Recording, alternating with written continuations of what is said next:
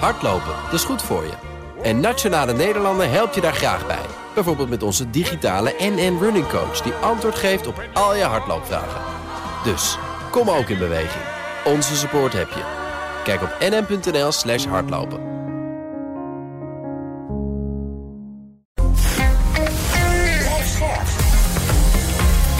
BNR Nieuwsradio. The Big Five. Diana Matroos. Ooit was Gronings gas het succesverhaal van Nederland. Goed voor de consument, goed voor het bedrijfsleven en goed voor de staatskas. Maar na meer dan 1800 aardbevingen, flinke schade aan zowel huizen als de gezondheid, is het verworden tot een mega hoofdpijndossier. De parlementaire enquêtecommissie probeert nu de onderste steen uh, naar boven te halen. Je hebt het waarschijnlijk ook uh, gevolgd. Ik ga dat deze week doen met de hoofdrolspelers in BNR's Big Five van het Gronings gas. Wat is nou het echte verhaal achter Groningen? En waarom lijken ze nog altijd de speelbal, nu met de gascrisis bijvoorbeeld weer geroepen wordt, zet het gas daar maar weer lekker aan. Vandaag duik ik in dit hoofdpijndossier met René Paas, commissaris van de Koning in Groningen. En intussen strijdt hij al jaren voor de veiligheid en ook de belangen van de Groningers. Van harte welkom, meneer Paas. Ontzettend fijn uh, dat u er bent. Ik ga zo meteen zeker praten over wanneer het Gronings gas mogelijk wel weer opgevoerd zou moeten worden. Want dat horen we nu aan alle uh, kanten. Maar eerst wil ik twee uh, dingen uh, van u weten. En allereerst eigenlijk maar meteen naar die parlementaire enquêtecommissie. voormalig minister van Economische Zaken Henk Kamp zei daar vrijdag tijdens de verhoren bevingen van minder dan 2,5 voel je niet of nauwelijks. En u begint al te lachen, want er was natuurlijk net zo'n beving ja, geweest. Er was, de dag voordat Kamp sprak was er een beving van 2,4. Dus we konden de proef op de som nemen. En die is behoorlijk gevoeld. Er zijn erg veel mensen die uh, voelden dat de aarde onder hun huis trilde. Die het geluid hoorden dat er een vrachtwagen door het huis reed. Uh, uh, en ook als je ze niet voelt. Er zijn sinds Huizingen, tien jaar geleden, zijn er alweer zo'n duizend aardbevingen geweest. Ook als je ze niet voelt, richten ze behoorlijk schade aan. Doordat er steeds, die, die bakstenen huizen, die bewegen steeds weer. En de bevingen zijn ook anders. Hè? Als we het bijvoorbeeld vergelijken met een uh, nou ja, aardbeving in Italië, als dat vanuit een natuurramp komt, dat is heel wat anders dan zo'n beving in Groningen die heel dicht onder het aardoppervlak zit. Misschien is dat verschil ook goed om even uit te leggen. Ja, de natuurlijke bevingen zitten op een diepte van zo'n 10 kilometer, misschien wel verder.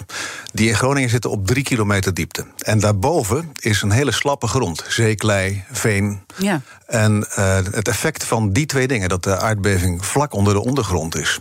En dat er een hele slappe grond is waarop je je huis hebt gebouwd, die zorgt ervoor dat uh, de grondversnelling, want uh, daar rekenen deskundigen mee, dat de grondversnelling behoorlijk is. En bakstenen huizen kunnen heel veel zwaartekracht hebben, maar geen horizontale beweging. En dat zie je overal in de provincie. Het tweede wat ik van u wil weten, en dat borduurt eigenlijk voort op die vraag die ik u net uh, stelde en de opmerking uh, van Kamp. We zagen eigenlijk, nou ja, uh, Kamerleden die niet echt vat kregen op Kamp. Kamp misschien ook niet echt vat op het dossier, want die zei ook van ja, hoop dingen wist ik niet. En dan zo'n opmerking van eigenlijk voel je het niet. Wat, wat zegt het u nou dat daaronder ligt? Nou, het, het, het, begint te ruiken naar onverschilligheid. He, dus ergens zei, uh, zei Kamp wel dat hij daar een rotgevoel aan over had gehouden. Dat er in het jaar na Huizingen voor een record aantal kubieke meters uit de grond was gehaald. Want Huizingen was eigenlijk het kantelpunt, hè? Ja, maar daar gaat aan vooraf, dat, uh, dat, dat, is het ontluisterende van deze parlementaire enquête... dat zelfs de NAM en zelfs Garsterra hadden gezegd tegen economische zaken... is het echt wel de bedoeling dat we zoveel gaan winnen. En toen had Economische Zaken namens de minister gezegd: ja, dat is de bedoeling, vooral doorpompen. Ja. De, en het enige motief daarbij, zo plat is het, was de staatskas. Dus het moest, en dat heeft ook in die tijd minister Kamp uitgelegd aan Kamerleden en aan wie niet al. De, de, de, opbrengst van het gas van Groningen was nodig voor de staatskas. En dat er ernstig werd gewaarschuwd door het staatstoezicht op de mijnen dat daarvoor is. Ja, dat werd een beetje weggemoffeld. Veertien onderzoeken werden, werden gelanceerd en die duurden natuurlijk allemaal behoorlijk lang. Terwijl je meteen had kunnen zeggen. Als er iets nou gevaarlijk zou kunnen zijn, moet je dan het voorzorgsbeginsel niet toepassen en zeggen. Uh, we gaan om te beginnen de hoeveelheid gas die we winnen maar eens flink terugbrengen. Ja. Daar was geen sprake van, want de staatskas was belangrijker. En dan lijkt het heel erg of daar, hè, want ik denk dat het ook interessant is om misschien wat vergelijkingen te trekken met de toeslagenaffaire, waar je ook eigenlijk ziet dat het maar eindeloos duurt en maar niet uh, wordt opgelost. En dat nou, we, we, weten ook allemaal niet uh, precies hoe het zit. Is het te makkelijk om alleen naar de staatskas te wijzen en daar eigenlijk de hoofdschuldige van te maken? Dat is heel vaak door mensen die op verantwoordelijke posities zaten, zoals ministers, gezegd: ja, geld kan nooit het probleem zijn. We gaan ruimhartig zijn. En altijd als je dan uh, daarna kijkt wat dat heeft betekend, ruimhartig, dat geldt ook voor de toeslagenaffaire, dan zie je dat er een cocktail hier is ontstaan van het werk van ingenieurs en van juristen, die ervoor zorgen dat voor alles criteria zijn en dat wat wordt verkocht als ruimhartig, als je huis wordt gesloopt en je wil precies hetzelfde terugbouwen, er zijn mensen zat die hun huis niet hebben kunnen terugbouwen, dat is niet eens rechtvaardig, laat staan dat het ruimhartig is. En mensen moeten eindeloos wachten en dat heeft er iets mee te maken, dat zie ik ook bij de toeslagenaffaire. Dat het ergste wat er in Nederland kan gebeuren is dat de mensen geld krijgen waar ze misschien geen recht op hebben. En dus moet iedereen door de wasstraat en duurt het eindeloos. En, en wat is dat in ons? Dat we dat zo erg vinden. Hè? Ik bedoel, u loopt al jaren ook rond uh, in de politiek. Hè? Bent van, uh, van de partij CDA. Uh, vakbondsvoorzitter geweest. U heeft alle kanten van het spectrum gezien van de polder. Hoe kan dat dat we dat zo in ons dragen? Ik weet het niet. Uh, Nederlanders staan bekend om hun zuinigheid en hun spaarzaamheid. Ja? Uh, dat zijn historische beelden die volgens mij voor een belangrijk deel verouderd zijn. Maar uh, uh, kennelijk horen we ook bekend te staan om onze jaloezie. We kunnen er slecht tegen dat iemand anders iets krijgt wat jij niet krijgt. We kunnen er slecht tegen dat, ehm, dat iemand een vergoeding krijgt terwijl je de vragen bij kunt stellen of dat terecht is. En als je daar je hele bureaucratie op inricht, de Belastingdienst bij de toeslagen, of de Nationaal Coördinator, of daarvoor het Centrum voor Veilig Wonen bij schade mm -hmm. aan je huis of bij versterking, uh, dan worden mensen de dupe doordat het eindeloos duurt en dan vervolgens veel te zuinig wordt uitgekeerd. Ik denk ook wel eens. Uh, was het in Groningen net zo naar en akelig geweest als er vanaf het begin werkelijk ruimhartig was opgetreden. Als er vanaf het begin was gezegd: u hebt schade, we zullen er met inzet van alles wat we in ons hebben voor zorgen dat u geen enkele reden hebt om de, over de afdoening daarvan te klagen. Maar er zit ontzettend veel zeer, waarin eerst werd ontkend dat mm. aardbevingen überhaupt het gevolg konden zijn van mm -hmm. gaswinning. Mm -hmm. Later werd gezegd, oké, okay, een enkele aardbeving zou wel kunnen, maar nooit een zware. En pas bij Huizingen werd er rekening gehouden, ernstige rekening gehouden, met de mogelijkheid van ook zware aardbevingen. Ja. En doden. Maar er zat ook iets in van, uh, dat zag ik de, de, uh, de voormalig CEO van de NAM zeggen. Uh, bij de verhoren. Uh, tot Huizing hadden we eigenlijk best wel het idee dat we het goede deden, ook uh, voor ons allemaal. Ik bedoel, iedereen verdiende er geld mee. Er zat ook een soort nou, onbesef in, lijkt het, dat het echt niet kon wat daar gebeurde. Het had een mooi verhaal kunnen zijn, de ja. gaswinning in Groningen. Zo begon het ook. Ja, ja. en ik denk dat er ik, uh, ik heb zelf ook een hele fase meegemaakt waarin ik woonde in Groningen. Dat was voordat ik bij het CNV in Utrecht terecht kwam. Ja, u was wethouder, uh, en, Ja, ik was, wet, ik was wethouder. Ik was er eigenlijk wel trots op dat heel Nederland warm van ons werd. En uh, ja, er was wel eens een aardbeving. En er waren ook wel mensen die daar ernstiger naar keken dan ik in die tijd. Dat moet ik toegeven. Ehm, maar ik had geen moment het idee dat dit een crisis kon zijn die zo uit de hand liep. Vooral door verkeerd gekozen zuinigheid. Vooral door uh, het onderschatten van een probleem. En vooral door uiteindelijk de opbrengsten veel belangrijker te vinden dan recht doen aan mensen. Is het ook, uh, speelt het ook mee dat het niet makkelijk is om schuldig te zijn in dit dossier? Dus dat je elke keer maar zand in de ogen blijft strooien en zegt: ja, we weten het ook niet. En die zegt weer dit en die zegt weer dat. Dan is niemand schuldig in het verhaal. Want dat is dat, natuurlijk ook moeilijk. Ja, dat is heel vaak zo dat als er iets groots aan de hand is. Ja. En er, zeker als er een parlementaire enquête naar, uh, naar gehouden wordt, of een groot onderzoek. dan is, loop je het risico dat iedereen een beetje verantwoordelijkheid draagt. en uiteindelijk dus weer niemand verantwoordelijk is. Hè? Uh, ik vind niet het belangrijkste dat er een schuldige wordt aangewezen. Daar gaat iets aan vooraf, namelijk verantwoordelijkheid. Dus als je gas wint en er een vermogen mee verdient, met name de staat. We kijken vaak boos naar de olies. Maar het leeuwendeel van de opbrengst is bij de staat der Nederlanden terechtgekomen. Ja, want die cijfers zijn nu ook echt naar buiten gekomen. Hè? Dat wisten we eigenlijk al, maar ja, nu, het is gigantisch. Ja. Hè? dus het, wordt, het wordt steeds helderder, maar we wisten al dat, het, dat er ruim 400 miljard Dat is dus uh, anderhalf keer de rijksbegroting. He, dus dat er voor zo'n bedrag aan de, uit, uit, de Groningse aarde is, uh, is, is gehaald. Als je dan voor ook wel een fors bedrag, maar nooit in deze orde van grootte aan schade en uh, noodzaak van veiligheid hebt, dan zou je de verantwoordelijkheid moeten nemen om te zeggen: oké, we, we zijn er collectief rijk van geworden. En nou kost het geld om ervoor te zorgen dat je recht doet aan de mensen die er niet voor hebben gekozen dat de aarde onder hun huis gaat schudden die geen cent hebben ontvangen. Als je in Texas had gewoond, dan was je nu miljonair geweest. Ja, ja, ja. Maar uh, de mijnwet zorgt in Nederland ervoor dat alles, alles van de staat is. Ja, dan zal de staat er ook voor moeten zorgen dat mensen die de pech hebben dat ze boven een, een goudmijn wonen, dat die, dat die geen enkel nadeel hebben van, van het feit dat ze daar wonen. The Big Five. Diana Matroos. Mijn gast is René Paas, commissaris van de Koning in Groningen. En uh, onze gasten stellen elkaar vragen via de kettingvraag. Uh, afgelopen week sprak mijn uh, collega Paul van Liemt met Raymond Puts. Hij is directeur van werkgeversvereniging AWVN. En dat was trouwens een andere week. Dat was de Big Five werknemer versus werkgever. En hij had, Raymond, hij had deze vraag voor u. Heeft het Gronings gas nog, of kan het een rol spelen in de energietekorten die we vandaag de dag hebben? En als dat zo is, onder welke voorwaarden kan dat dan? Ik denk dat dat. Uh, je kunt, uh, het is denkbaar dat dat gebeurt, maar het heeft, heeft wel een hele, en wat mij betreft, veel te hoge prijs als je dat doet. Um, gas lijkt een makkelijke oplossing. We hoorden Hans Biersheuvel zo net ook in het nieuws. Nou, die had weer met deskundigen gesproken. Die zeiden dat dat allemaal best kon. Hij is, uh, van, de, hij is van de ondernemersvereniging, ja.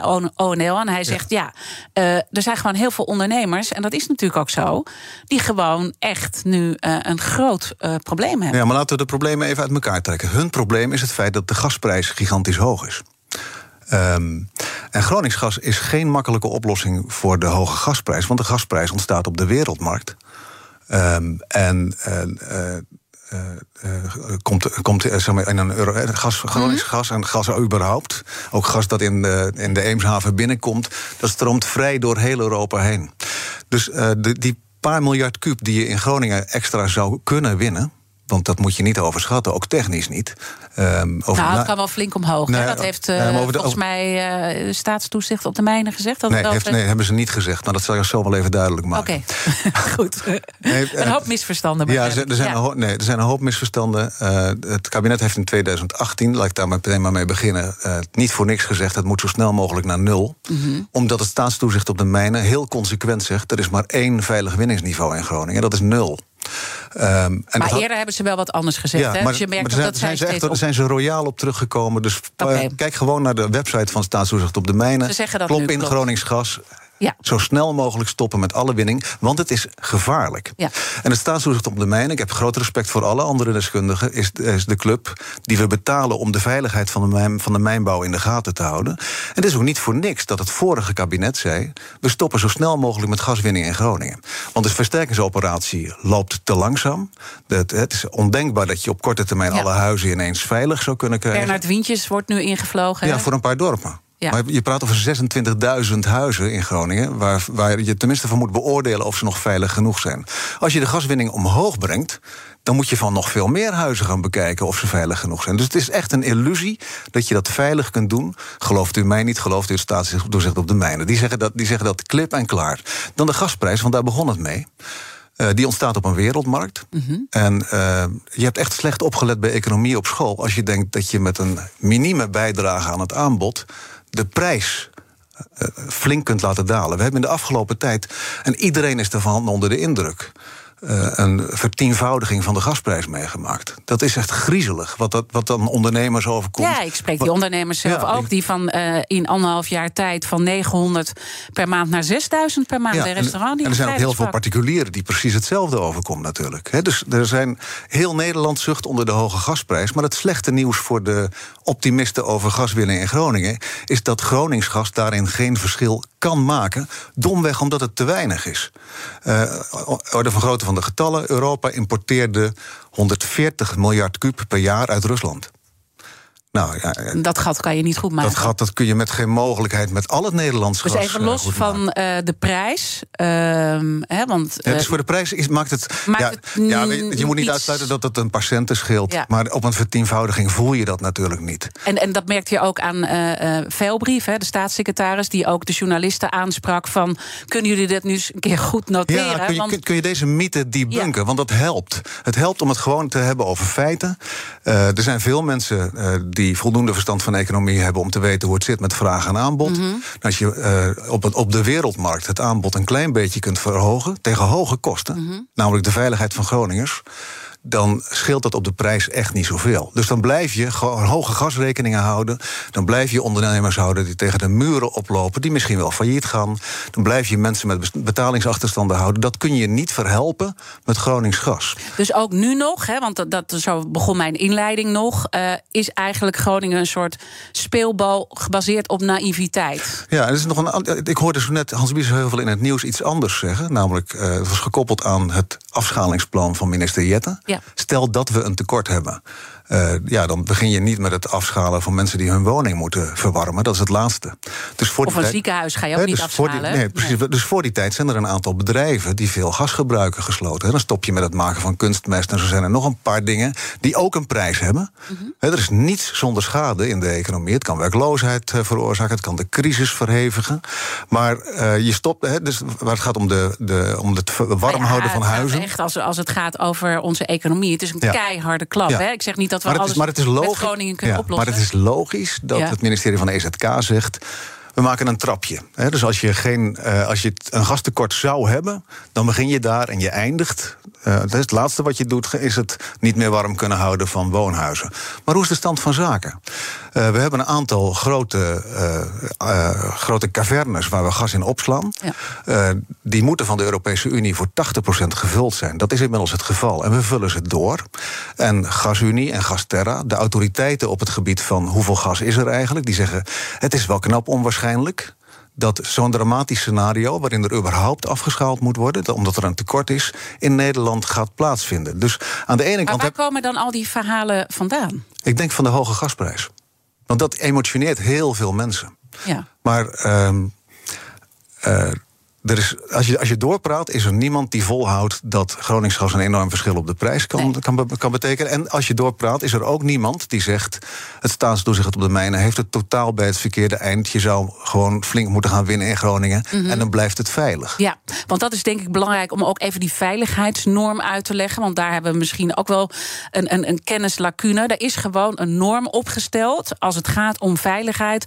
die bijvoorbeeld ver- vergelijkbaar is met een dijkverzwaring. Misschien goed om dat nog eventjes eh, goed uit te leggen. Dat er niet naar Groningen anders wordt gekeken als het gaat om de norm. dan naar andere problemen die kunnen ontstaan in Nederland. we zijn een ingenieursland, dus we hebben alles in, eh, Ja. in, in breuken uitgedeeld. Mhm. Dus de kans dat je komt te overlijden, dan heb ik het niet over schade aan je huis. Maar de kans dat je komt te overlijden door een doorbrekende dijk, een ontploffende kerncentrale, een neerstortend vliegtuig of een zware aardbeving in Groningen, hoort kleiner te zijn dan 1 op de 100.000. Eh, daar, daar, daar richten we in Nederland rationeel ons Ja. beleid op. En in Groningen voldoen we nog lang niet aan die norm. Dus Groningers zijn significant onveiliger in hun eigen huis dan heel veel andere Nederlanders. Dat is wat mij betreft een grote kwestie. Dus ik, ik zie altijd in dit soort discussies... Ik, ik word heel veel aangesproken over dit onderwerp... Ja. en een enorme overschatting van de voordelen die het zou kunnen hebben... en een enorme bagatellisering van de problemen die daardoor ontstaan... namelijk veiligheidsproblemen voor Groningers. En toch zie je dan bij de Groningers, als het, en dat moeten we wel zeggen, dat was in maart eh, eh, van dit jaar, toen natuurlijk net die oorlog eh, uitbrak. Toen is een onderzoek gedaan door Dagblad, Dagblad van het Noorden. Nou, een enquêtetje. Nou, het, werd wel benoemd als een representatief onderzoek. Het was, een dus ik flink, ga het was een flinke krantenkop, maar er is daarna, door methodologen die verstand hebben van dit soort onderzoek, is er gehakt gemaakt van dit onderzoek. En er is vooral. Het er hetzelfde is- onderzoek, namelijk dat de meerderheid van de Groningers ja, zegt ja, van, de, de, de Telegraaf en het Dagblad van het Noorden. Ja. Ja. Nee, zet hem open, want je, want je kunt veilig winnen. In de vraagstelling was namelijk opgesloten dat SODM zegt: nou, 12 miljard kuub kun je veilig winnen. Dat is niet waar. Dus de vraagstelling was al Ja. verkeerd. Bent u er kwaad over? Ja, dat is om razend van te worden. Want daarna wordt iets dat in de Telegraaf heeft gestaan... Dagblad van het Noorden valt wel mee. Maar eh, iets dat in de Telegraaf wordt, eh, eh, heeft gestaan... dit is daarna een politieke realiteit. Iedereen neemt dat aan voor waar. En ook als de Telegraaf zegt... Gronings gas is uiteindelijk het beste, want deskundigen zeggen dat... En je leest nauwkeurig wat die deskundigen in een twee krantenpagina's durend artikel daarover zeggen. Ja, dan zijn dat uh, deskundigen die hun sporen hebben verdiend in de gaswinning. Mhm. Dus die zijn uh, die, die, zijn bezig geweest met het winnen van gas. En het woord veiligheid komt één keer per ongeluk in dat hele artikel langs uit de mond van een Gronings statenlid. Ja. Zo maak je, wat mij betreft, geen evenwichtig nieuws over deze kwestie. En dat komt toch ook wel uh, uh, de schuldige, nou ja, als je het al zo moet noemen, weet ik niet. Maar uh, dat dus ook het bedrijfsleven een heel grote rol speelt. Hè? Want u zei eerder, het gaat vooral om de staatskas spekken. Maar het bedrijfsleven, en misschien ook Ben Schop als voormalig directeur van Shell aanhalen. ExxonMobil, die was um, partner natuurlijk uh, bij de NAM. Met een soort kruidenierslijstje bezig. Uh, nou ja, wat, wat er allemaal minder kon in Groningen. Er zit toch ook echt ook een bedrijfslevenverhaal achter? Jawel, uh, de NAM is een dochteronderneming van die twee grote oliemaatschappijen, ja. Shell en Exxon. Ja. Dus de NAM is degene die het exploiteert. Maar het is zo ingericht, het gasgebouw in Nederland. Dat was een groot geheim toen het gemaakt werd, maar geleidelijk aan zijn we er meer van gaan begrijpen. Dat uiteindelijk het overgrote deel van de opbrengst in de staatskas is terechtgekomen. Er zijn allemaal nuttige dingen ervoor gekocht. Overigens, toen het een tijdje werd bijgehouden, uh, in het uh, Fonds voor de Economische Structuurversterking kwam toen aardgasgeld. Mm -hmm. Toen bleek dat er maar 1% van dat fonds terecht kwam in Noord-Nederland. Ook dat steekt. Dus je wordt ook nog een beetje stiefmoederlijk behandeld bij de baten. Maar bij het, uh, bij het kleiner maken van de risico's en bij het afhandelen van de schade, zeker sinds Huizingen, hebben alle betrokken partijen, of het nou de olies zijn of de staat, zulke steken laten vallen dat minister Wiebes toen die aantrad als minister van EZK, zei: Dit is een Nederlands overheidsfalen, overheidsfalen van een on-Nederlandse schaal. Dat heeft hij keurig gezegd. Heeft ook zijn best gedaan om het te repareren, maar het is nog niet gerepareerd. Zometeen uh, praten we verder. Mijn gast is René Paas, commissaris van de Koning in Groningen. En dan praten we over hoe we hier nu uit kunnen komen. Ook richting de toekomst. Hoe we het vertrouwen kunnen herstellen. En is waterstof ook een toverwoord daarbij? Blijf luisteren. Business Booster. Hey ondernemer. KPN heeft nu Business Boosters. Deals die jouw bedrijf echt vooruit helpen. Zoals nu, zakelijk tv en internet, inclusief narrowcasting... de eerste negen maanden voor maar 30 euro per maand. Beleef het EK samen met je klanten in de hoogste kwaliteit. Kijk op kpn.com slash businessbooster. Business Booster. Hardlopen, dat is goed voor je. En Nationale Nederlanden helpt je daar graag bij. Bijvoorbeeld met onze digitale NN Running Coach... die antwoord geeft op al je hardloopvragen. Dus, kom ook in beweging. Onze support heb je. Kijk op nn.nl slash hardlopen.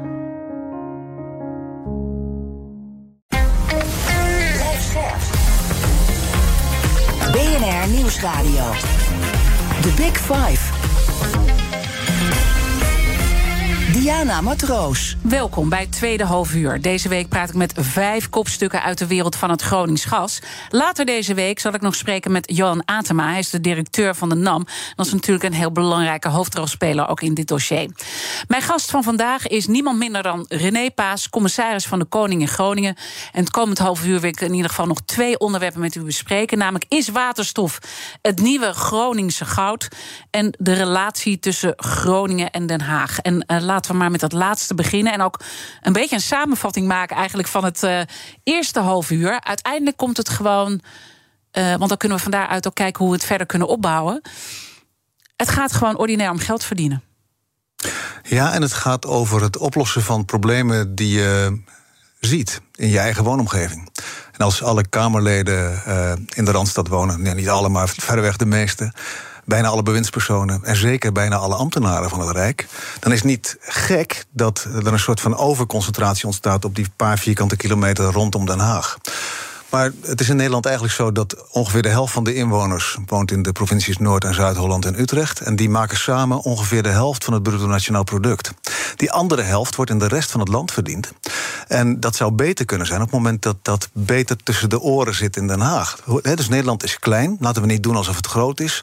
Laten we de commissaris van de Koning uit Groningen niet vertellen. Zo, meneer Paas, heeft u een goede reis gehad? Ja, dat deed ik vanochtend. U komt he helemaal fout. U komt helemaal, helemaal uit Groningen. Ja, wij hadden ook in de file gestaan. Het was ook aardig bedoeld dat ik niet ja. alleen een lange reis afleg als ik naar Groningen kom, ja. maar dat u dat andersom ook doet. Het overkomt mij bijna altijd in Den Haag dat iemand dat zegt. Ja. En dat dus zegt wij, heel veel. Dus wij denken dat, dat Nederland heel groot is, dat je daar enorm verre ja. uithoeken hebt. Point taken. En ja. daar is kennelijk, we hebben vaak het gedachte-experiment gehad. Stel nou dat al die aardbevingen die wij hebben gehad, dat die onder Amsterdam waren geweest, hè, omdat daar een gasbel lag. Moet je eens kijken hoe snel we hebben ook een casus dat er een paar huizen verzakten in de Vijzelstraat. Toen er een metro, werd, uh, de ja. metro werd aangelegd. Ja, nee, ik denk dus dat kijken hoe snel het dan stilgelegd was. Dus dat, kennelijk weegt dat verschillend. En ik zou zeggen, laten we Nederland vooral eens gaan zien als één land waarin we ontzettend veel aan elkaars ruimte kunnen hebben. Hm? Wij wonen in een deel van het land met minder stikstof, minder, uh, minder fijnstof, minder verstopping. En als je een miljoen huizen moet bouwen in Nederland in de komende tien jaar. Uh, zorg er dan eens voor dat je dat doet op plekken waar dat kansrijk is. Je moet ze even goed ontsluiten. Ja, en waar mensen dan ook willen ja. wonen, hè, met al deze ja. slechte berichten over uh, aardbevingen. In het, nou ja, laten we daar snel een eind aan maken, zou ik zeggen, die aardbevingen. Uh, maar in het regeerakkoord staat een half gefinancierde lelielijn. Maar uh, uh, dat staat er als impuls voor de noordelijke economie, wat het zeker is. Maar het is, een, het is natuurlijk een investering in heel Nederland op het moment dat je zo'n ding aanlegt. Want je kunt het hele land ja. beter benutten. En, en wat u benoemt, ik, ik ben bang dat u gelijk heeft, uh, dat zo in de Randstad ook een beetje gekeken wordt. Um, en dit is natuurlijk een opmerking die al vaker is gemaakt, ook door anderen, ook als het gaat over andere dossiers. En het verandert niet. Nee, het zit diep in een cultuur van een uh, land dat uh, wordt, ge, wordt bestuurd door een nationale regering die vlak bij de Noordzee ligt. In het deel van het land dat langzaam wegzakt omdat de bodem daar daalt en de zeespiegel stijgt. Mm -hmm. Dus laten we eens kijken wat voor kracht er in de rest van het land ligt. En laten we dat met het oog op de toekomst ook veel beter gaan benutten. Daar knapt echt heel Nederland van op. Ja, en, en wat doet het met de Groningers dat er zo wordt uh, gedacht, hè? Dat, die zullen dat ook uh, voelen. Er zijn een paar NOS-journalisten die hebben een boek geschreven onder de treffende titel De gaskolonie. En een kolonie, dat is uh, dat je er zelf niet over gaat en dat ja. de welvaart die bij jou wordt gewonnen, dat die ergens anders landt. Dus dat is het gevoel. Dat als je problemen hebt met uh, het herstellen van de schade aan je huis. Als je niet zeker bent van je veiligheid, dat je toch moet verdragen, zoals nu ook. Dat iedereen zegt: Nou ja, ik heb weer een paar deskundigen gesproken. Je kunt rustig weer gas gaan winnen in Groningen. Weet je wat, dan gaan we ze ruimhartig vergoeden. Het wordt ruimhartig. Kun je in Groningen niet uitspreken zonder cynische reacties te krijgen. En oh ja, die huizen moeten snel en versterkt worden. Als het nou zo makkelijk was, waarom is het dan niet al lang gebeurd? He, dus het onderschatten van de problemen, het overschatten van de, van de, van de voordelen. We hebben het er zo net over gehad. Mm -hmm. um, en ik denk dat, uh, kijk, als het moet, hè, als het moet, dan kunnen we in Nederland in 200 dagen uh, twee grote LNG-terminals drijvend in de Eemshaven neerleggen. Daar hebben, uh, uh, daar hebben de Gasunie, maar ook alle relevante overheden, waaronder de provincie Groningen, echt de schouders onder gezet. maar LNG is natuurlijk fossiel. Ja. En hartstikke duur en bepaald niet efficiënt. Uh, en wij trekken de haren uit ons hoofd omdat het zo verschrikkelijk lang duurt, ook langer dan uh, de windparken voor de westkust, voordat aan de noordkant van Nederland substantieel windmolens worden neergezet, die we heel goed kunnen gebruiken. Mm -hmm. uh, binnenkort is er topoverleg tussen de, de bondskanselier en de minister-president en een aantal ministers daaromheen over wind op zee en de aanlanding van die energie bijvoorbeeld in de Eemshaven. Het is echt nodig dat we daar eindelijk eens spijkers ja. met koppen in gaan slaan. En waarom gebeurt dat niet? Uh, ik denk ook dat het belang daarvan te weinig wordt gezien. Want LNG was er zo. En dat was hartstikke moeilijk. Ja. En, en dit is ook uh, misschien wel wat uh, Frans Timmermans bij Buitenhof bedoelde. Daar zat hij gisteren en hij doelde eigenlijk op dat we hier nog niet doordrongen zijn hoe ernstig eigenlijk die energiecrisis is. Dat we dat toch nog beter moeten uitleggen. Terwijl ik denk, ja, aan alle kanten voelen we het. Maar er zit dus een soort. Iedereen is eigenlijk een beetje lam gelegd in dit dossier. Ja, terwijl het heeft. Uh, Dan heb ik het dus niet alleen over uh, Gronings gas, ja. hè, maar over de breedte nu. Het heeft Nederland nog nooit wat opgeleverd om stil te blijven zitten en te wachten op de problemen die gingen komen. En dus, uh, nou ja, we, historisch zijn we trots op een land dat we hebben veroverd op de zee. Ja. He, dat kwam er nooit vanzelf. We hebben heel intensief moeten samenwerken en heldere doelen voor ogen gehad. Ik denk dat de energiecrisis zo diep is en de klimaatverandering die daaraan vastzit, dat je alle potentie die je in je land hebt moet gebruiken. En wij zeggen al tijden, uh, kunnen het onderbouwen ook trouwens, uh, dat de weg naar Parijs en de weg naar Glasgow. Die loopt via Groningen. Die loopt om precies te zijn via de Eemshaven. Mm -hmm. Want als je de, wat daar uh, aan mogelijkheden is, ook met de chemische industrie, die heel veel waterstof nodig heeft als grondstof. Nou, dat is nu grijs waterstof, dat maak je van aardgas. Uh, hoe sneller je uh, komt aan grootschalige groene waterstof, hoe beter het is. De regering heeft geen dag te verliezen. En zometeen gaan we wat meer over die waterstof praten. Maar ik ben gewoon gefascineerd over het proces. Hè? Want je hebt natuurlijk. Nou ja, aan enerzijds moet je vertrouwen herstellen uh, met Groningen. Nou, u beschrijft aan alle kanten dat dat niet goed gaat. Aan de andere kant is het doorpakken op belangrijke dossiers. Men slaat een beetje lam. Er gebeurt niet zo heel veel. U zegt daar, daar, daar heeft Nederland nou ja, nooit op voorgestaan om het op die manier te doen. Hoe komt het dat, dat, we, dat we in deze situatie. Terwijl ik bedoel, het is echt. De nood is mega hoog. U kent de politiek als uw broekzak. Wat, wat, wat is het in de polder dat het niet meer werkt? Nou, het is niet, niet zozeer de polder. Misschien komen de oplossingen zelfs wel van de polder. Ga eens om de tafel zitten en, leg, mm -hmm. en, en, overleg tot je eruit bent. Het is natuurlijk ook een steeds verder verkruimelde, verkruimelde politiek. Waarin mensen elkaar zitten aan te kijken en bang zijn dat als ze moedig gedrag vertonen, dat dat heel hard wordt afgestraft. Ja, besluiteloos gedrag wordt zeker heel hard afgestraft. Dus uh, kom bij zinnen. Pak de stikstofcrisis aan, pak de klimaatcrisis aan. Mm -hmm. Neem maatregelen waar toekomstige generaties wat aan hebben. Want ons voortbestaan staat op het spel. Ja, en, en dan doelt u op die versnippering, maar misschien ook het kennisgebrek misschien bij uh, Kamerleden. Want eerder spraken we over een tal van misverstanden. Hè? Of je nou een aardbeving uh, uh, wel of niet uh, voelt. als het gaat over de norm qua veiligheid. Er zijn een hoop misverstanden over en weer. Zit het ook aan een, is er gewoon een groot kennisgebrek? Nou, het is natuurlijk wel zo dat als je, naarmate je meer fracties hebt en die allemaal klein zijn, mm -hmm. is het ingewikkelder om fractiespecialisten te hebben. He, dus in een systeem waarin ja. ik ben, ook zelf ben opgegroeid, waarin er grote partijen waren. CDA, ja. Zoals het CDA, Partij ja. van de Arbeid, VVD. Uh, waarin je ook Kamerleden had die je misschien niet kende maar die hun dossiers heel goed kenden. Uh, derde woord voor de politiekogels, zeiden we dan uh, grappend. Ja, dat is verdwenen. En dat zorgt voor een enorme oppervlakkigheid en een politieke cultuur waarin je filmpjes maakt. Om je eigen bubbel te bedienen. van je eigen gelijk. Uh, die vraagt helemaal niet meer om verdieping van het debat. Dus dat vind ik, dat vind ik wel zorgelijk. Want de enige manier en daar waarop... is uw eigen partij ook bij betrokken natuurlijk. Ja, dat er zijn alle, partij, pijn, daar zijn alle partijen nee, maar bij ja, betrokken. U, u, bent van het CDA, dus dat Ja, ik ben de kunnen, commissaris van de Koning zijn kroon benoemd... en dan worden ze altijd een stuk minder van de partij. Ja, dat is waar, dat is waar. Uh, net als burgemeesters. Uh, maar ik vind, ik vind heel belangrijk dat alle Nederlandse politici zich realiseren... dat ze grote verantwoordelijkheden hebben. Grote verantwoordelijkheden ook voor toekomstige generaties. En dat ze dus de maatregelen nemen die daarvoor nodig zijn. En die zie ik niet altijd ontstaan. Welke en de, maatregel en, en, zou met name nu genomen nou, worden? Uh, in het geval van uh, Groningen denk ik dat ongelooflijk belangrijk is. Er zijn uh, bestellingen geplaatst, concrete plannen. investeerders staan klaar voor 10 gigawatt windenergie. Uh, op de Noordzee aan ja. de noordkant van Nederland.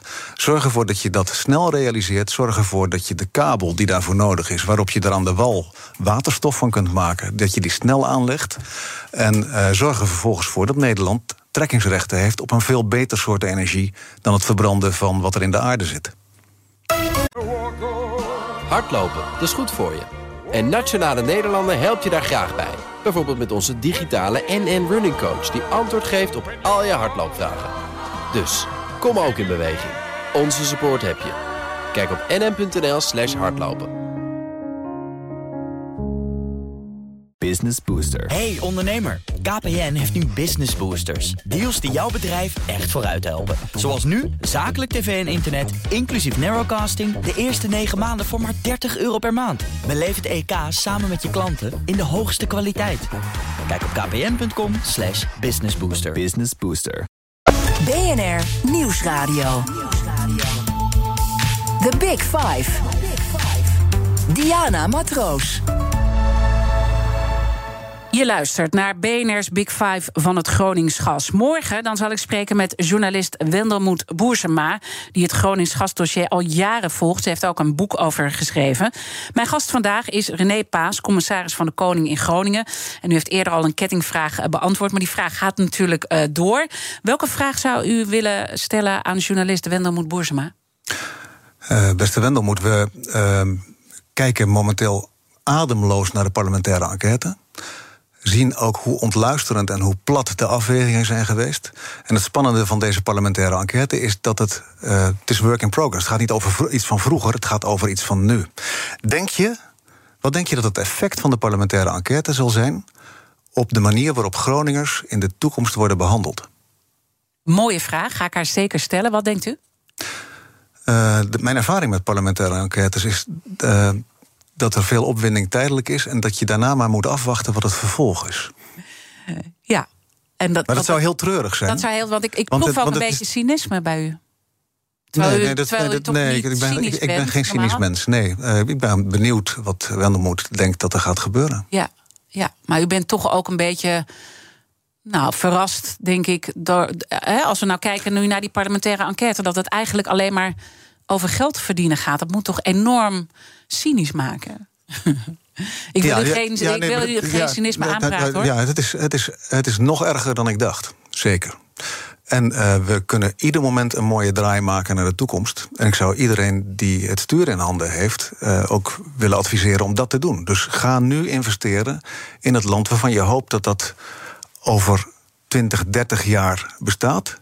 En de toekomst is al begonnen in Groningen. Ja, want u denkt echt dat dat waterstof uh, dat dat echt het nieuwe Groningse goud kan zijn? Ja, ik denk dat waterstof. Uh, kijk, als je wind- en zonne-energie maakt, dan uh, we krijgen nu nog heel veel zonne-energie wel geëxporteerd, maar we maakten al heel veel zonne-energie in de afgelopen zomer. Op een gegeven moment ontstaat de situatie dat je, als het s'nachts heel hard gaat waaien, dan heb je meer elektriciteit dan je op kunt. En het voordeel van uh, uh, er zijn ook, ook partijen die klaarstaan op dit moment uh, om grootschalig te gaan investeren in een, in een electrolyzer waar je waterstof mee maakt. Mm -hmm. Het voordeel van omzetten in waterstof is dat de industrie die schreeuwt om waterstof, niet alleen in Groningen, maar ook elders. dat je die kunt bedienen met waterstof. Dat je maakt van elektriciteit die je even over hebt. En dat is echt waanzinnig mm -hmm. goed om te doen. Zoals ook, ja, ik weet niet of, uh, of waterstof bij uh, privéauto's, bij personenwagens, de doorbraak gaat betekenen. Maar bij vrachtwagens en bij bussen die langere afstanden moeten afleggen. En bij schepen zie ik een fantastische mogelijkheid, omdat batterijen daar geen alternatief voor zijn. Dus ik denk dat waterstof uh, enorm belangrijk is. En dan komt er één groot voordeel voor Groningen, dat verder nergens is. We hebben een traditie waarin we handelden in een gas, namelijk aardgas. Er ligt een hele kostbare infrastructuur in onze grond.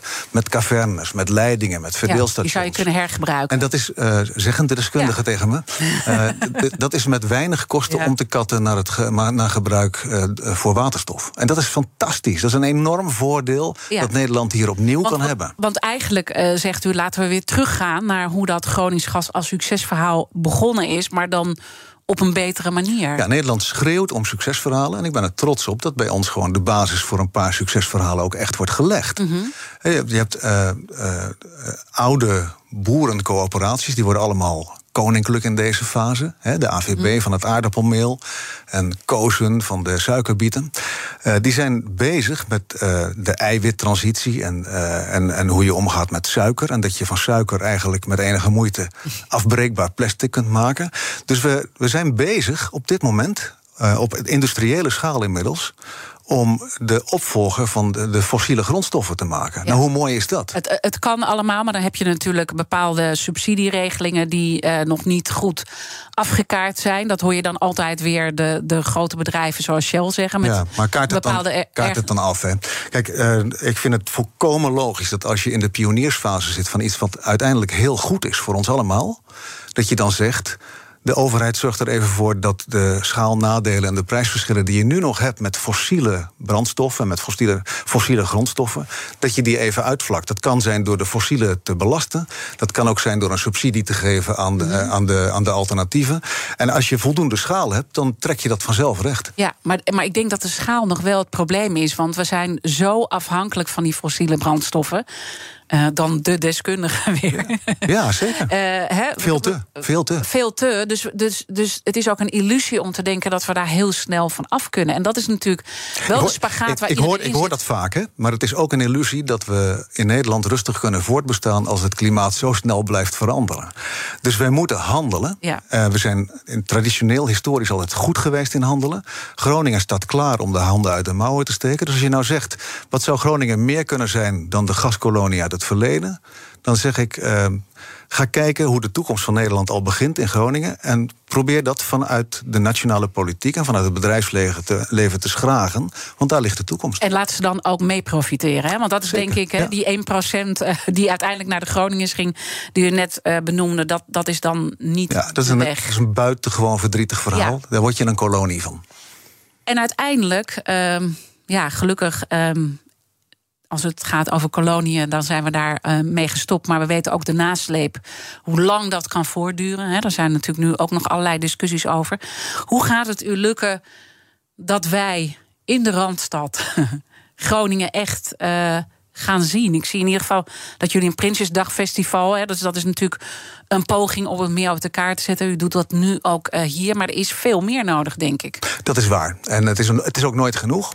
En ik moet twee dingen doen die soms ook tot een beetje hoofdpijn leiden. Ik moet het probleem van de gaswinning in leven houden. Ja. Want uh, er, er, hoeft maar een klein stapje gezet te worden en iedereen denkt weer dat het opgelost is. Dat is niet zo.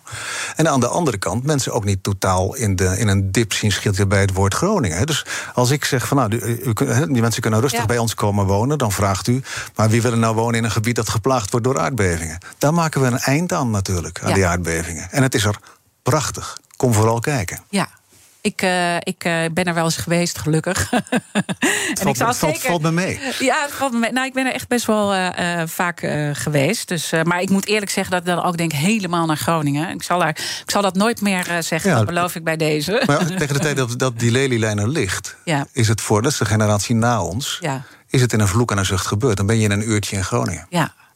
Ik denk dat het mooi is. Um, normaal uh, vraag ik alleen één kettingvraag te stellen. Maar u bent er nu toch. Uh, zou u misschien ook een vraag willen stellen aan Johan Atema, de directeur van de NAM? Want die ontvang ik later deze week. Ja. Ik kom Johan natuurlijk in Groningen met enige regelmaat tegen. Ja. Maar ik denk dat een vraag waar hij ook wel wat mee kan, is op welke manier nou de NAM of de aandeelhouders van de NAM kunnen bijdragen aan toekomstige successen. als je bedenkt hoe verdrietig het recente verleden is geweest. Dus wat kun je doen om de dingen die ik hier zo net beschreef. Wat kun je doen om Groningen weer in een soort van positieve flow te krijgen? Want je bent ons wel wat verschuldigd, geloof ik. Ja. Ik denk dat het een hele mooie vraag is. Die ga ik hem zeker stellen. En uh, ik hoop ook uh, nou ja, dat ze daar ook uh, echt wel ideeën over hebben. Lijkt me wel. hoe houdt u hoop? Nou ja, ik heb gisteren een fietstocht gemaakt door Groningen. En het, uh, ik zei zo net, het is een, kracht, het is een prachtig. Het, ik, ik hou hoop door met leuke mensen te spreken. Door uh, te zien hoe mooi het is in Groningen. Door te zien wat voor positieve ontwikkelingen er in onze kenniscentra worden gemaakt. In een stad met die barst van de jonge mensen en de energie. Het is echt niet moeilijk om hoop te houden over een fantastische toekomst van Groningen. Maar ik gun het Nederland dat het daar onderdeel van is. En dat heeft u meerdere keren duidelijk gemaakt uh, in deze uitzending. Ik wilde u danken dat u uh, bent gekomen vandaag, commissaris van de Koning in Groningen, René Paas. En natuurlijk zijn alle afleveringen van BNR's Big Five terug te luisteren. Abonneer je op onze podcast via onze app of je favoriete podcastkanaal. Dan weet je zeker dat je geen aflevering mist. Maar blijf vooral live. Zometeen Connor Klerks met het programma BNR Breekt. Ik wens je een mooie dag. Business Booster. Hey ondernemer, KPN heeft nu Business Boosters. Deals die jouw bedrijf echt vooruit helpen. Zoals nu, zakelijk tv en internet, inclusief narrowcasting... de eerste 9 maanden voor maar 30 euro per maand. Beleef het EK samen met je klanten in de hoogste kwaliteit. Kijk op kpn.com businessbooster. Business Booster.